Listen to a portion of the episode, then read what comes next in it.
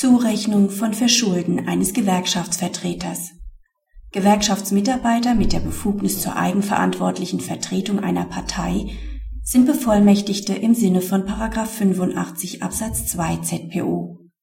Mit Schreiben vom 18.07.2007 wird das seit 1991 mit dem Arbeitgeber bestehende Arbeitsverhältnis des Arbeitnehmers zum 31.01.2008 gekündigt.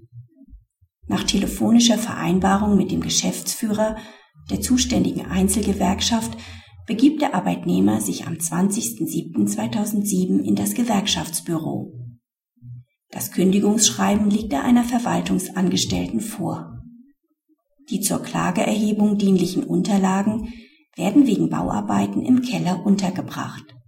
Erst um den 10.09.2007 werden die Unterlagen wieder aufgefunden. Am 13.09.2007 erfolgt Klageerhebung durch die DGB Rechtsschutz GmbH mit dem Antrag auf nachträgliche Klagezulassung. Das Arbeitsgericht weist den Antrag zurück. Das Landesarbeitsgericht gibt ihm statt. Die hiergegen gerichtete Revision des Arbeitgebers hat Erfolg. Das BAG entscheidet, dass das Verschulden der Gewerkschaftsmitarbeiter dem Arbeitnehmer nach 85 Absatz 2 ZPO zuzurechnen ist.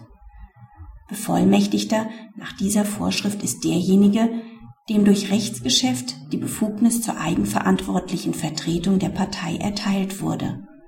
Einzige Voraussetzung ist eine Mandatierung indem der Arbeitnehmer eine Einzelgewerkschaft mit der Klageerhebung beauftragt, erweitert er seinen rechtlichen Wirkungskreis. Die Kehrseite dieser Erweiterung ist die Verschuldenszurechnung. Die mit der entsprechenden Befugnis ausgestatteten Gewerkschaftsmitarbeiter sind daher selbst Bevollmächtigte nach 85 Absatz 2 ZPO und müssen Vorkehrungen zur Fristwahrung treffen. Dazu gehört die Führung eines Fristenkalenders und letztlich die Wahrung gesetzlicher und gerichtlicher Fristen. Praxishinweis.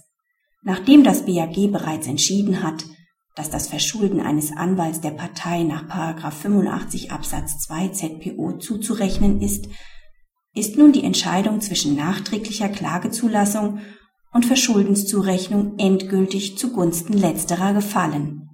Eine Vollmacht im Sinne der Paragraphen 81 bis 83 ZPO ist für die Zurechnung nicht erforderlich.